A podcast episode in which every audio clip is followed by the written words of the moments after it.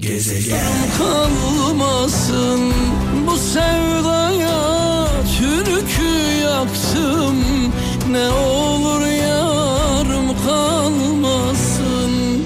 Evet saat 17 itibariyle mikrofonumun başındayım 19'a kadar beraberiz sevgili cambazımızı uğurladık.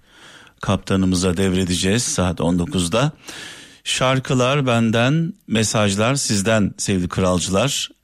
Ee, 0533 781 75 75 0533 781 75 75 WhatsApp, Telegram, Bip ve SMS olarak mesajlarınızı dünyanın dört bir yanından e, bekliyorum. Bu arada e, özellikle şehirler arası yollarda Kral FM dinlerken bir anda Kral FM'i kaybeden, Kral FM dinleyemeyen, e, ya neden çekmiyor diyen kaptanlarımıza, şoför arkadaşlarımıza ricam e, lütfen akıllı telefonlarınıza Kral uygulamasını artık indirin.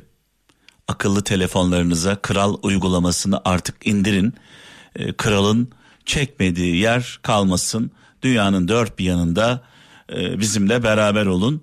E, öyle düşündüğünüz gibi çok fazla internetten yemiyor onu da söyleyeyim. Yani bütçenize zarar verecek bir durum söz konusu değil. Dedikten sonra e, bugün e, arka arkaya kişisel gelişim e, videoları izledim sevgili kralcılar. Başarı hikayeleri izledim. Onlardan bir tanesinde şöyle bir söz e, aklımda kaldı. Ahlaklı ve dürüst bir insansan, ahlaklı ve dürüst bir insansan başaramayacağın hiçbir şey yoktur diyor. Başaran bir insan söylüyor bunu. Başarının sırrını ahlakına ve dürüstlüğüne e, bağlıyor. Ben birkaç şey daha ekleyeceğim. Başarmak için herkes böyle bir başarma e, peşinde. E, ahlaklı olmak çok güzel, dürüst olmak çok güzel. Kendindeki özellikleri bilmek, yetenekleri bilmek, kendini bilmek. Yani yapamayacağın bir şeyin peşinde koşmak boş hayallerin poş, e, peşinde yorulmaktır. Onun için önce ben neyi yapabilirim? Ben neyi başarabilirim? Ben neyi iyi yapabiliyorum diye soracağız kendimize. E, ahlaklı olmak, erdemli olmak çok güzel. Kendini bilmek çok önemli. Kendini tanımak. Bununla beraber tabii ki en önemlisi istikrarlı bir şekilde aynı hedefe doğru mücadele vermek. Şimdi tabii e, şöyle diyenler olabilir. Ahlaksız olup da karaktersiz olup da adaletsiz, vicdansız, kötü insan olup da başaranlar ne olacak? Onlar da başarıyorlar. Yani başaranların hepsi e, güçlü ve zengin olanların hepsi erdemli, ahlaklı, karakterli insanlar mı? Tabii ki değil. E, mesele mesele zengin olmak mı? Mesele güçlü olmak mı? Yoksa mesele mutlu olmak mı? Mutlu olmak mı? Şöyle etrafınıza bakın. Başarmış ama ahlaksız olan insanların gerçek anlamda mutlu olmadıklarını göreceksiniz. Başarmış olabilir. Zengin olabilir, güçlü olabilir. Ama adalet duygusu yoksa, vicdan duygusu yoksa, doğru dürüst bir adam değilse, ahlaklı, şerefli, namuslu değilse e, bu adam zaten başarmak için her yolu denemiştir. Çalmıştır, çırpmıştır, yapmadığı üç kağıt kalmamıştır. Bu insanda azıcık vicdanın, insanlığın zerresi varsa bu kişi bunca yaptığı kötülükten sonra başını yastığa koyduğunda huzur içinde uyuyabilir mi? Bu kötü insan sadece rakiplerine mi kötülük yapmıştır? Yani başarmak için e, mücadele ederken hayır eşine, dostuna, anasına, babasına, evladına herkese yapmıştır. Peki bu kötü insanın, bu ahlaksız insanın, başarmış ve zengin insanın gerçek anlamda bir dostu var mıdır? Bir arkadaşı var mıdır? Bir sırdaşı var mıdır? Başını da dayayabileceği, sırt sırta vereceği bir insan var mıdır? Vardır tabii etrafında insanlar. Bu insanlar e, genel anlamda baktığınızda çıkar için yanlarındadır. Yani e, böyle e, üzülmeyelim. e, başaramadık e, diye veya kötü insanları görüp güçlü ve kötü insanları görüp ya bu insanlar nasıl bu noktalara geldi diye de böyle iç çekmeyelim. Bir de o insanların içine bir bakın. Yani dışı başarmıştır ama içi karanlıktır, karanlık. İnanın ki onun yerinde olmak istemezsiniz.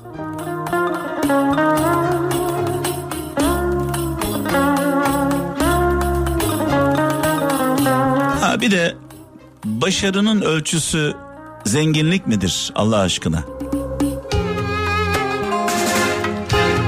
Yoksa huzur, sağlık, mutluluk mudur?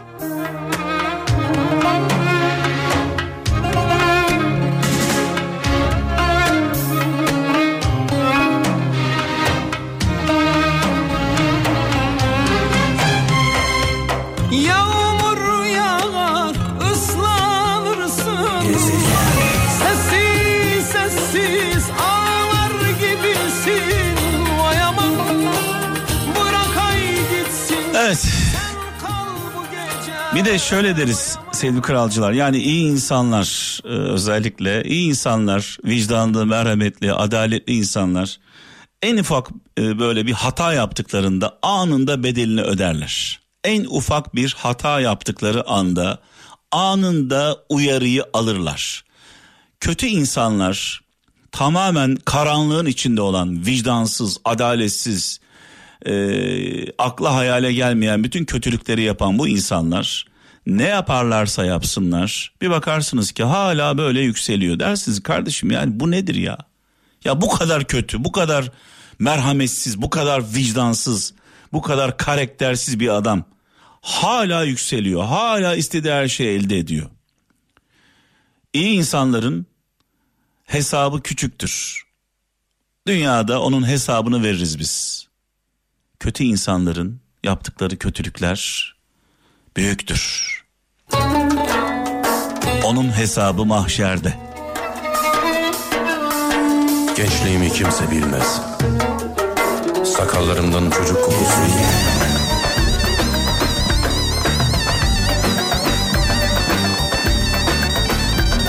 Genç bir kardeşimiz sevgili Feyza Nur Özdemir şöyle yazmış. Diyor ki bugün denemeden çıkmıştım. Deneme sınavından çıkmıştım. Kötü geçmişti diyor. Kral FM dinlerken yanlışlarıma bakıyordum. Ee, bakarken de kendime kızıyordum e, demiş sevgili kardeşimiz. Ee, çok da efkarlandım.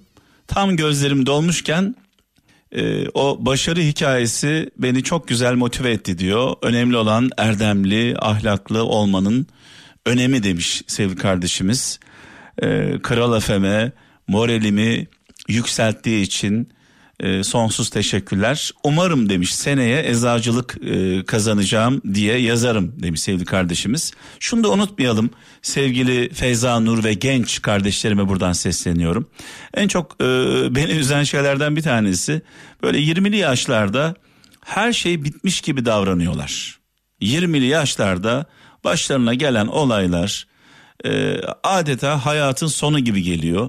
Ya daha siz hayata yeni başlıyorsunuz. Daha birinci vitestesiniz. Daha gidecek çok yolunuz var. Bugün sadece şunu söyleyeyim. Bugün üzüldüğünüz şeylere yarın o kadar çok güleceksiniz ki. E, Bugün üzüldüğünüz şeyler yarın aklınıza bile gelmeyecek. Ve şunu da unutmayalım. Bize başarılarımız değil, yenilgilerimiz öğretir hayatı. Yenilmekten, acı çekmekten, düşmekten korkmayın.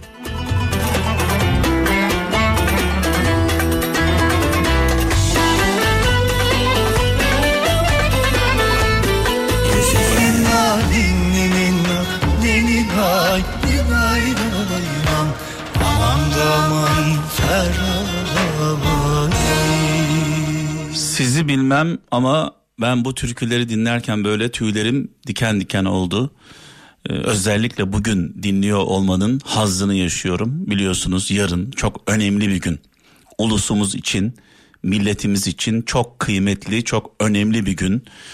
Ee, 102. yılını e, kutlayacağız. Egemenliğimizin, ulusal egemenliğimizin, egemenliğin e, meclise verilişinin, tabii ki meclis nedir? Milletvekilleri milleti temsil eder.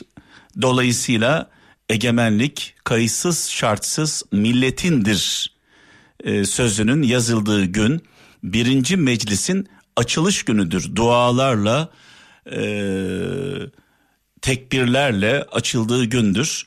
Şöyle bir mesaj var e, Mustafa Kemal Atatürk'ün büyük önderimizin şöyle bir sözü var diyor ki bütün cihan bilmelidir ki bütün cihana sesleniyor. Bütün cihan bilmelidir ki artık bu devletin ve bu milletin başında hiçbir kuvvet yoktur. Artık bu milletin başında, bu devletin başında hiçbir kuvvet yoktur. Hiçbir makam yoktur. Yalnız bir kuvvet vardır. O da milli egemenliktir. Yalnız bir makam vardır. O da milletin kalbi, vicdani ve mevcudiyetidir demiş büyük önderimiz. Yani milletin üzerinde hiçbir makam yoktur. Bütün makamların Cumhurbaşkanından bir polis memuruna kadar bütün makamların tek bir görevi vardır diyor. Millete hizmet etmek. Noktayı koymuş. Şimdi tabii e, bazı yanlış algılar yaşıyoruz. Mesela işte Osmanlı'nın parçalanmasında, Osmanlı topraklarının bölünmesinde sanki Mustafa Kemal Atatürk'ün bir payı varmış gibi hissediyoruz. Bazı çevreler bunu dile getiriyor. Osmanlı'yı parçalayan, darma duman eden sanki Mustafa Kemal Atatürk'müş gibi e, söylemler e, yapıyorlar. Duyuyoruz bunu. Bir kere şunu söyleyelim. Osmanlı İmparatorluğu artık zayıfladığı dönemde sevgili kralcılar en zayıf olduğu dönemde Birinci Dünya Savaşı meydana geliyor. Birinci Dünya Savaşı'nda Osmanlı e, devleti Almanya ile birlikte hareket ediyor. Eğer Almanya kazanmış olsaydı belki bambaşka bir e, dünyamız olacaktı. Birinci Dünya Savaşı'nda Mustafa Kemal Atatürk de bir subay, Osmanlı subayı. Altını çizerek söylüyorum. Mustafa Kemal Atatürk Osmanlı subayı. Yani padişahın emrinde. Girdiği bütün savaşlarda adeta destan yazıyor. Çanakkale başta olmak üzere. Sonra ne oluyor? Sonra Birinci Dünya Savaşı'nı e, Almanya kaybediyor. Dolayısıyla Osmanlı da kaybetmiş oluyor. Türkiye paramparça. Osmanlı paramparça. Damat Ferit e, Sadrazam e, o zamanlarda e, damat Ferit başkanlığında bir heyet Serv anlaşması için e, masaya oturuyorlar. Bu anlaşmadan şöyle kalkılıyor. Tekrar altını çizerek söylüyorum. Biz Serv anlaşmasına bir internete girin bakın. Haritaya bir bakın. İstanbul yok. İstanbul gitti. Güneydoğu Anadolu bölgesi yok. Akdeniz yok. Ege bölgesi yok. Yunanlılar, İtalyanlar, Fransızlar, e, İngilizler paylaşıyorlar. Bu anlaşma sonrasında Mustafa Kemal Atatürk istiklal mücadelesini başlatıyor. İstiklal Savaşı başlıyor. Yani o bildiğimiz Kurtuluş Savaşı. Kurtuluş Savaşı'nda zaten Birinci Dünya Savaşı'nda yorulmuş olan bu ülkeler masaya tekrar oturmak zorunda kalıyorlar. Yorulmuşlar. Birinci Dünya Savaşı bunları paramparça etmiş. Daha fazla savaşmak istemiyorlar. Masaya oturuyorlar. Bu sefer masada İsmet İnönü var. Yıl 1923.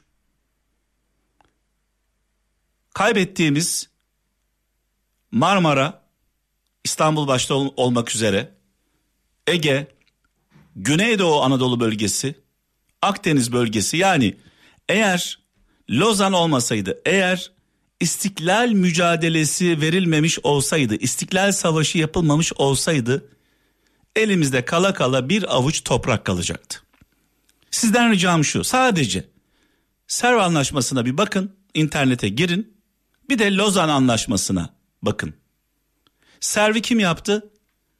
Osmanlı'nın görevlendirdiği damat Ferit imza attı. Lozan'a kim imza attı? Atatürk'ün görevlendirdiği İsmet İnönü imza attı. Rahmetle, saygıyla, duayla anıyoruz. Eğer bugün Lozan anlaşması yapılmamış olsaydı, istiklal mücadelesi verilmemiş olsaydı, İstanbul, İzmir, Güneydoğu Anadolu, Akdeniz bölgemiz, bu bölgede olanlar ne ezan sesi duyabileceklerdi ne de bayrağı görebileceklerdi. Yani haksızlık yapmayalım. Haksızlık yapmayalım, adaletsizlik yapmayalım. Büyük önderimiz atamıza, silah arkadaşlarına, onunla birlikte savaşan, şehit olan ecdadımıza çok şey borçluyuz. Yarın milli egemenliğin millete devredilişinin 102. yılını kutlayacağız. Coşkuyla, dualarla kutlayacağız. Sevgiyle kutlayacağız. Minnetle kutlayacağız. Bunun tabi bugünün şöyle bir özelliği de var. Ayrıca bugünü büyük önderimiz Mustafa Kemal Atatürk çocuklara armağan ediyor. Geleceğin, yarınlarımızın teminatı olan, yarınlarımız olan e, çocuklarımıza armağan ediyor. Dünyada sadece Türkiye'de olan bir bayram Ulusal Egemenlik ve Çocuk Bayramı tekrar kutlu olsun. Birkaç Atatürk sözü var onları paylaşmak istiyorum. Özgürlüğün de, eşitliğin de, adaletin de dayanağı ulusal egemenliktir demiş Mustafa Kemal Atatürk. Ulusal egemenlik ulusun namusudur, onurudur, şerefidir demiş yine Mustafa Kemal Atatürk. Hürriyetin de eşitliğin de adaletin de dayanak noktası ulusal egemenliktir demiş. Büyük önderimiz. Sizler çocuklara sesleniyor. Sizler hepiniz geleceğin bir gülü, yıldızı, bir mutluluk pırıltısısınız. Memleketi asıl aydınlığa boğacak olan sizlersiniz demiş çocuklara.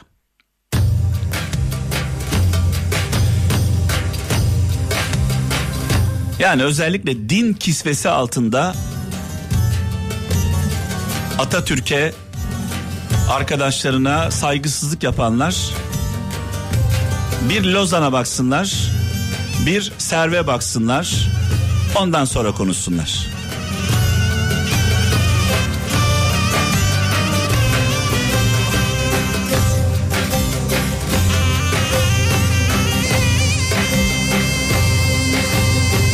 Çakın şimşekler çakın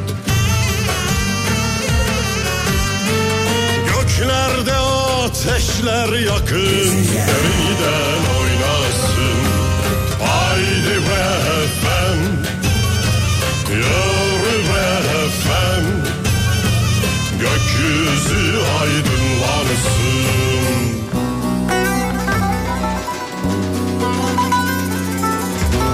Allah Allah.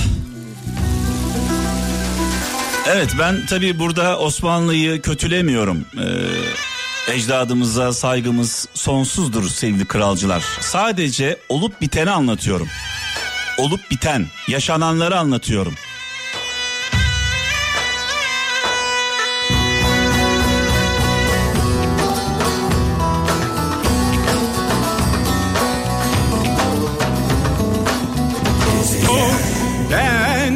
Buna şaştım aman aman amanın amanın efendim. Evet kısa bir reklam aramızdan hemen sonra Cumhurbaşkanımız Sayın Recep Tayyip Erdoğan'ın büyük önderimiz Atatürk'le ilgili ifadelerini, sözlerini kendi sesinden biraz sonra paylaşacağım. Lütfen dikkatle dinleyin. Reklamların hemen ardından Cumhurbaşkanımız Sayın Recep Tayyip Erdoğan'ın Büyük önderimiz Atatürk'le ilgili sözlerini, ifadelerini paylaşacağım az sonra. CV Enerji Güneş Panelleri bilgilendiriyor.